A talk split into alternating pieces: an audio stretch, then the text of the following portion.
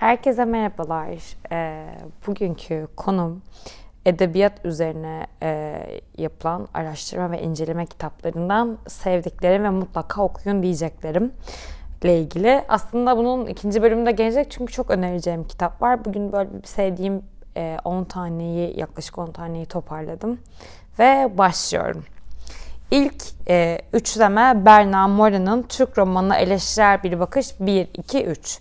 Şimdi aslında şöyle, benim normalde e, edebiyat üzerine araştırma e, kitapları okumak gibi bir hobim yoktu. Ta ki yüksek lisans sınavlarına hazırlanana kadar. Boğaziçi'nde Türk Dili ve Edebiyatı bölümüne e, hazırlanırken bu arada kazanıp da gitmemiştim. Nedeni de size sonra kendimle ilgili çektiğim böyle hayatımda yaşayan kararlarla ilgili bir bölüm çekeceğim. Orada anlatacağım. Ee, Orada hazırlanırken bir sürü kitabın olduğu bir okuma listesi vardı ve ben hepsini alıp okuyup gerçekten çalıştım ve sonrasında bağımlısı oldum. Ve şimdi normal kitap okurken de mutlaka araya bir tane araştırma ve inceleme veya deneme kitabı koyuyorum. Gerçekten çok çok iyi oluyor.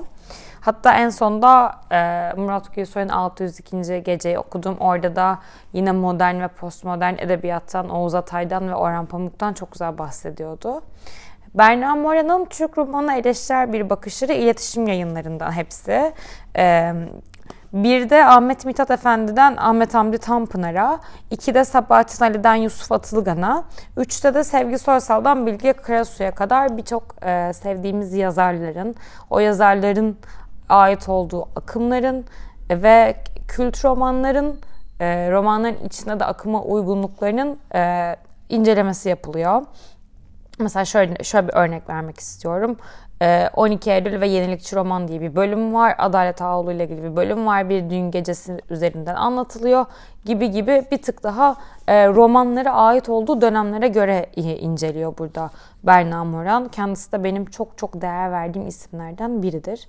O yüzden bence mutlaka kütüphanenizde olması gereken bir üçleme. Zaten bu üç kitabı okuduğunuzda az çok demeyeyim genel olarak Türk edebiyatı ile ilgili çoğu şey hakkında, kitap, roman hakkında ve yazar hakkında hatta akımlar hakkında da e, fikir sahibi oluyorsunuz. Özellikle sınava hazırlananlarınız varsa bu üçlemeyi mutlaka tavsiye ediyorum. Çünkü içinde çok güzel, detaylı ve nokta atışı bir analiz yapılıyor. Kitapları özet olarak anlatmıyor. Neden o döneme ait olduğunu ve o dönemin hangi özellikleri hangi karakterlerle veya e, yer ve zamanla anlatıldığını da çok güzel incelemiş Berna Moran.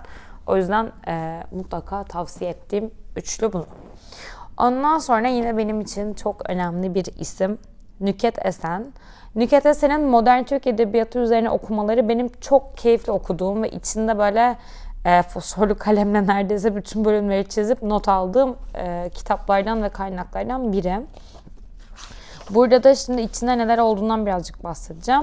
Ahmet Mithat Efendi ile beraber e, modern Türk edebiyatının doğuşunu alıp e, Tanzimat'a kadar geliyor. Tanzimat'tan günümüze modern Türk edebiyatının anlatıldığı bir bölüm var. Burada da e, karşılaştırmalı bir şekilde anlatılıyor. Huzur ve Kara Kitap karşılaştırmasının olduğu bölümü çok beğenmiştim. Yine Orhan Pamuk'a kadar e, geliyor. E, kitabın sonunda da birazcık daha kitap değerlendirmeleri var. E, burada divan şiiri üzerine de bir e, kitap var. Ama benim çok sevdiğim iki kitapla ilgili bir bölüm var. Puslu e, Kıtalar Atlası ve Paranın Cinlerinin anlatıldığı bölümler gerçekten çok severek okudum e, kitaplar e, bölümlerden oldu. Aynı zamanda burada makaleler de e, makalelerden de bahsediyor birazcık e, Nüket Esen. Buradaki yazarları ve es, e, eserleri aslında genel e, yazarın genel e, yazma alışkanlığı ve ait olduğu e, akımın dışında detaylarıyla inceliyor ve bir kitap özelinden genellemeler yapmaktan kaçınarak aslında birazcık daha bence e, o kitabın içinde bulacaklarımıza odaklandığı için de çok değerli. Genellikle çünkü bütün araştırma inceleme kitaplarında dönem, yazar, yazarın bilmemiz gereken romanları, romanların konuları şeklinde verilir. Burada tam tersi birazcık daha e, kitap ve e, o kitaptaki karakterlerden odaklı çıkarak daha geniş bakmayı görebiliyoruz. O yüzden bence mutlaka okunması gerekenler, gerekenler, gereklen kitaplardan ve söyleyemedim. Ee, ve benim için bence olmazsa olmaz Don Quixote'dan bugüne romanla Jale Palla. Bu arada e, çok garip bir şekilde bunların hepsi iletişim yayınlarından. Benim böyle bir e, kitaplığımın bir rafı sırf iletişim yayınlarının bu kitaplarıyla dolu. Don Quixote'dan bugüne roman gerçekten e, yani olmazsa olmazlarından biri. Cervantes'in Don Quixote'uyla başlıyor ama içinde hem e, Batı romanından hem de e, Türk romanından çok sevdiğimiz isimlerle devam ediyor. İçinde kimler kimler yok ki gerçekten. Don Quixote'la başladığında birazcık yazı türlerinden de bahsediliyor. Kitap, işte roman, e, novela, öykü gibi böyle bu türler nerelerde konumlanıyor bundan başlıyor ve sonrasında İstanbul'a e, uzanıyor. Burada da Çengi'den bahsediyor. Çengi kitabıyla beraber romanın doğuşunu anlatıyor. Benim en çok beğendiğim bölümlerden biri e, birazcık daha romanda anlatı ve zamanı irdelediği bir bölümdü. Bu da e, bakayım üçüncü bölüm. Burada birazcık daha yüze ve silgilerden bahsetti. Bu arada silgiler de size diyorum yeni roman akımını anlatıp duracağım anlatacağım anlatacağım deyip duruyorum. Orada bahsedeceğim hiç bilme, bilinmeyen çok ilginç romanlardan biri Alain Robbe-Grier'in bir romanı. Burada aynı zamanda e, kriz anlatılarından da bahsediyor. Dar zamanları aldı Adalet Ağoğlu'nun ve yine e, Mimesiz diye bir bölümde de birazcık daha kitabın içindeki kurgu ve kelimeler cümle oyunlarına gidiyor. Gerçekten aslında romanı her e, şekilde yazar olarak, okur olarak, dönem olarak, e, içindeki anlatı ve zaman ve kişiler olarak çok güzel inceliyor. İçinde Orhan Pamuk var, Oğuz Atay var, Adalet Ağoğlu var, James Joyce var, e, Diderot var, Don Quixote var, Emily Bronte var, gerçekten Calvino var. Herkesin olduğu çok güzel e, bir kitap. Aynı zamanda bu kitabın en güzel özelliklerinden biri hem Türk Edebiyatı'nda hem de Batı Edebiyatı'ndaki bu isimleri karşılaştırarak anlatıyor. Bence o yüzden de çok böyle e, akılda kalıcı bilgiler veriyor. Listeye eklenmesi gerekiyor.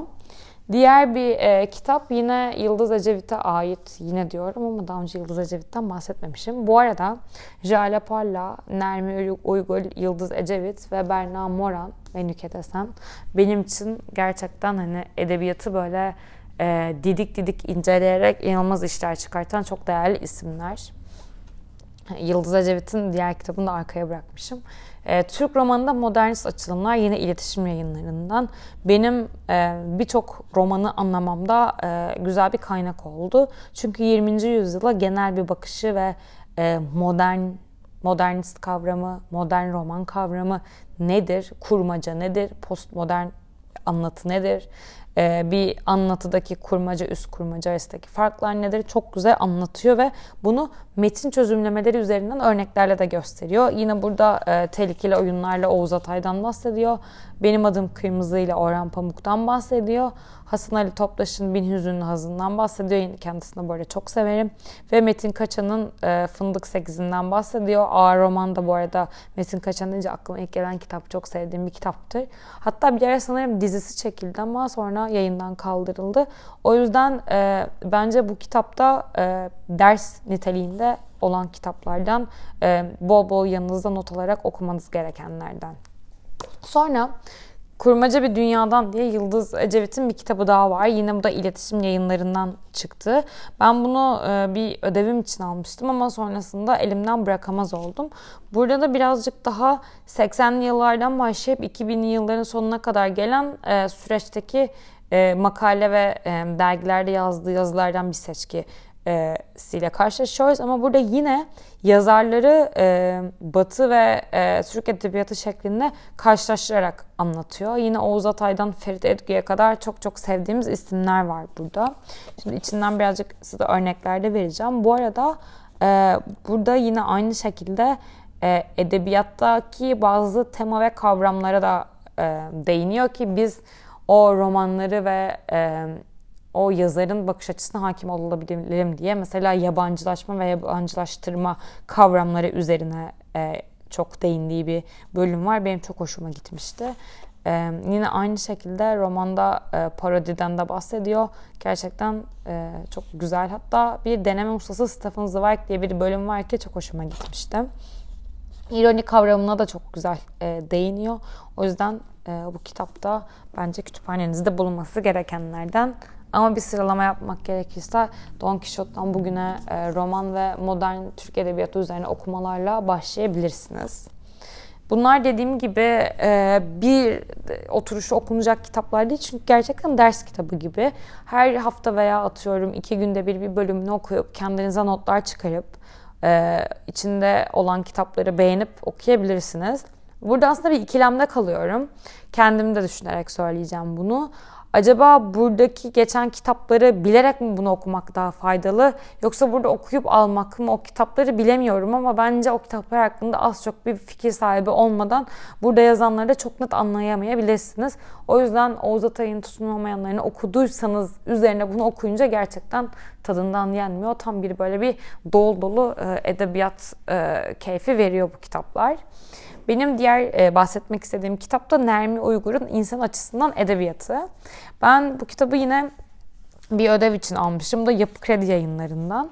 E, ödev için böyle bir yerleri çizeyim, e, bir araştırayım derken çok keyifli bir yol arkadaşım oldu ve kısaca e, kısacık bir kitap olduğu için hızlıca bitti. Burada aslında edebiyatın hayatımızdaki yeri, edebiyatın kültürlü olan ilişkisi, tüketimli olan ilişkisi, edebiyatı bir yığın edebiyatı olarak ele almak ve edebiyatın edebiyat karın doyuru diye bir bölümüm var. Orada da edebiyatın aslında e, bir metaya dönüşmesi, kitapların ticaret haline gelmesi, kitapların dizilerinin çekilmesi, kapaklarının tekrardan onlarla basıp yapılması gibi çok dolu bilgiler var. Ben bunu e, şey hmm, yüksek lisans tezimde ele almıştım. Hatta konuyla ilgili de bir bölüm çekeceğim. Hayatımın en sancılı süreciydi. O zamanlar beni takip edenleriniz bilir. Gerçekten kitap okumaktan soğuduğum bir dönemde. Bu dönemde yaşadıklarımda size anlatacağım hem de tezimden bahsedeceğim. Ee, şöyle bir e, bölüm var. O bölüm çok hoşuma gitmişti. Durmadan artıyor edebiyata ilişkin güçlükler. Alabildiğine karmaşık sorularla bezeniliyor edebiyat. Bir yandan da belgesiz tavlar, yanlış anlamalar, çarpık görüşler, aldatıcı ön yargılar kaplıyor ortalığı. Çeşitli yönlerden sokulmak zorunda çeşitli yönlerden sokulmak zorunda edebiyatı araştırıcılar. Alışa gel, alışıla gelenden çok daha etkili bir tutumla dil bilgini, toplum uzmanı, uygarlık tarihçisi, sanat filozofu, yaratma psikoloğu iyiden iyiye ince, incelemek zorunda edebiyatı. Eğitimciye, politikacıya, töreciye de düşen pek çok görev var bu arada. Edebiyat okuyucusuyum ben. Dilediğim gibi bir okuyucu ol- olamadıysam da büyük yeri var gecemde gündüzümde okumanın. Küçüklüğümden beri bulaştığım eski yeni kültür dillerin aracılığıyla epeyce değişik okuma tatlarının içinden geçtim. Türlü türlü görünüşleriyle az çok izleyebildim sanıyorum edebiyatı diye başlıyor.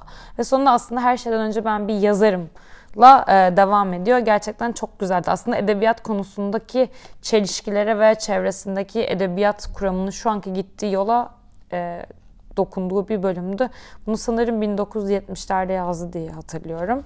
Birazcık bu kitapta edebiyata kuram olarak da ele alıyor ama sonrasında bir yazar olarak, bir okuyucu olarak da e, farklı gözlerden bakabiliyorsunuz. O yüzden çok keyifli ve kıymetli bir kitap bence bu. Diğer bir önermek istediğim kitap da Semih Gümüş'ün Okumak ve Yazmak kitabı. Bu da Notos kitaptan çıkmış. Ben Semih Gümüş'ün yazılarını çok beğenirim ve severim. Hatta birkaç kitabı daha vardı içinde yine bütün yazılarının olduğu. Ee, ben bu kitabı şu yüzden aldım. Kitabını da okumak ve yazmak. Kitabın içindeki bölümler benim çok ilgimi çekti. Ee, bölüm adlarına bakarak aldım aslında. Okumak nedir? Neleri nasıl okumalıyım? Okumaya övgü. Edebiyat nedir, ne değildir? Yazar ne yazar, ne yazmaz? Bir yazarlık tutumu var mıdır? Yaratıcı yazarlığın yolları nelerdir? Ödüllerin sahte dünyası gibi gerçekten edebiyata dair çok farklı noktalara değiniyor. O yüzden benim çok hoşuma gitti. Hatta böyle yine içinde fazlasıyla not alıp beğendiğim bölümler oldu. Özellikle okur olana bir bavul kitap diye bir bölüm var. Bu benim çok beğendiğim bölümlerden biri oldu. Burada tezimde de çok kullandım. En çok satanlar ile ilgili gerçekten çok güzel bir eleştiri yapılan bir bölüm var. Aslında popüler edebiyat ve çok satanlar kavramının farklı olduğunu, çok satanlar listesinin ve kitapçı vitrinlerinin, medyanın öne çıkardığı kitapların e, göz önünde olup gerçekten edebi değeri yüksek olan kitapların vitrinde arka sıralarda kalmasına çok güzel bir eleştiri getiriyor. E, ve şey Burada çok beğendiğim bir e, bölüm vardı.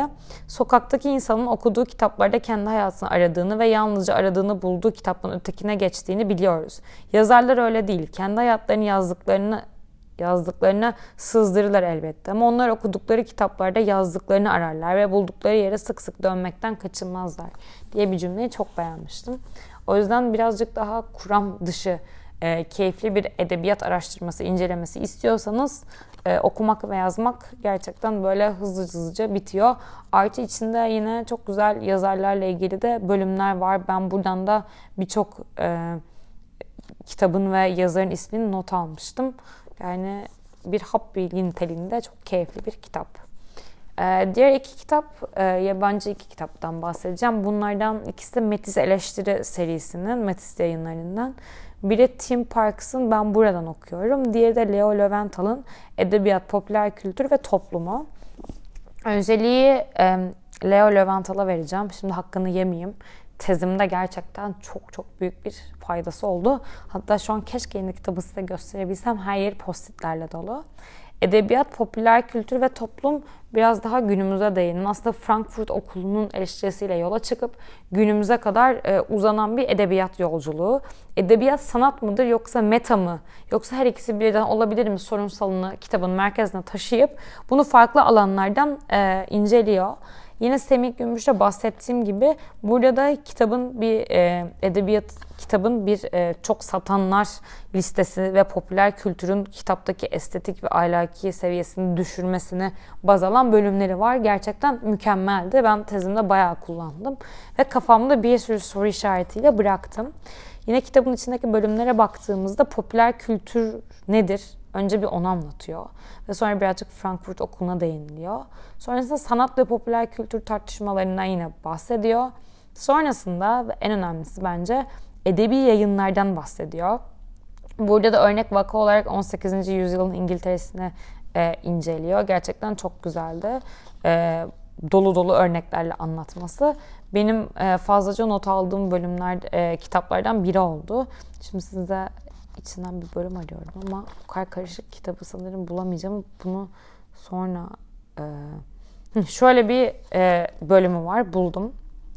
Birçok insan kitleler diye adlandırdıkları kişilere onların fiili koşuluna uygun olduğunu düşündükleri biçimde hazırlanıp uyarlanmış bir düşünsel besin vermeye çalışır.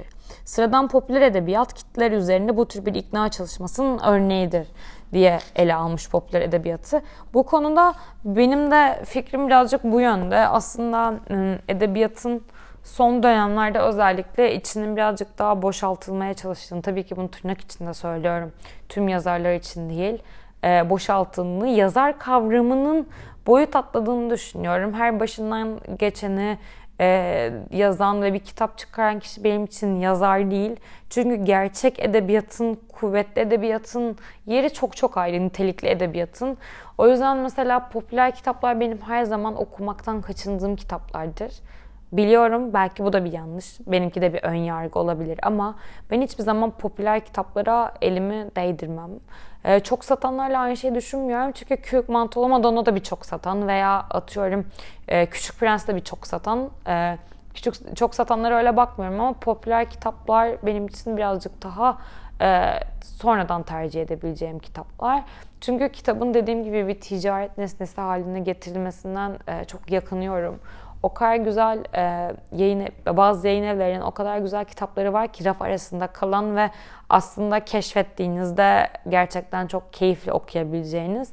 O yüzden biraz çok satan ve yeni çıkanlardan uzak durup ben e, kitapçılarda raf arasında kalanlarla vakit geçirmeyi tercih ediyorum. Daha doğrusu onları keşfetmeyi, araştırmayı ve bulmayı.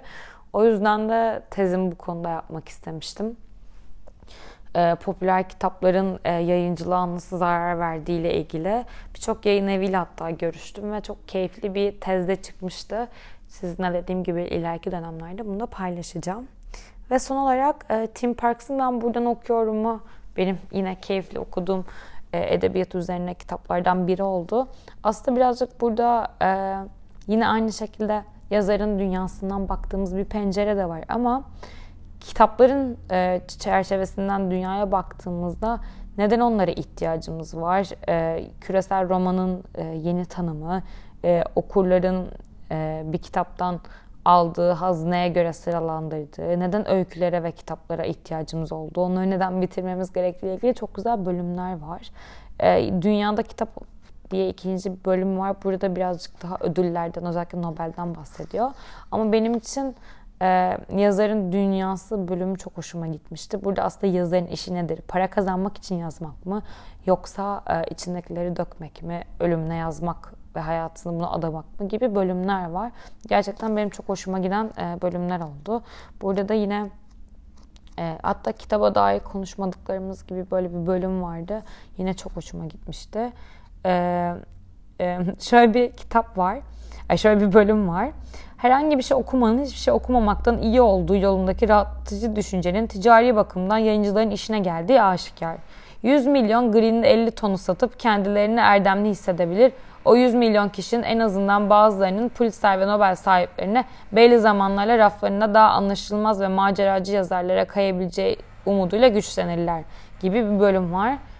Gerçekten ne zaman podcast için sessiz bir yer kaçsam bu sefer de üst katta e, küçük çaplı bir tamirat başladı. Onun gürültüsü geliyor. Evet. O yüzden özür diliyorum. Sonra şu şekilde devam ediyor. Kitabı yayımlanmış yazarlara ayrım yapmadan duyulan bu saygının sebebi nedir? Bu basit yayımlama olgusu o güne kadar neredeyse alaya alınan bir kişiyi niçin birdenbire bir hayranlık nesnesine, insanlık durumuna ilişkin özel ve önemli bir bilgi hazinesine dönüştürür. Daha da ilginci alaydan saygıya bu kayış yazarı ve eseri ve genelde edebi kurmacayı nasıl etkiler?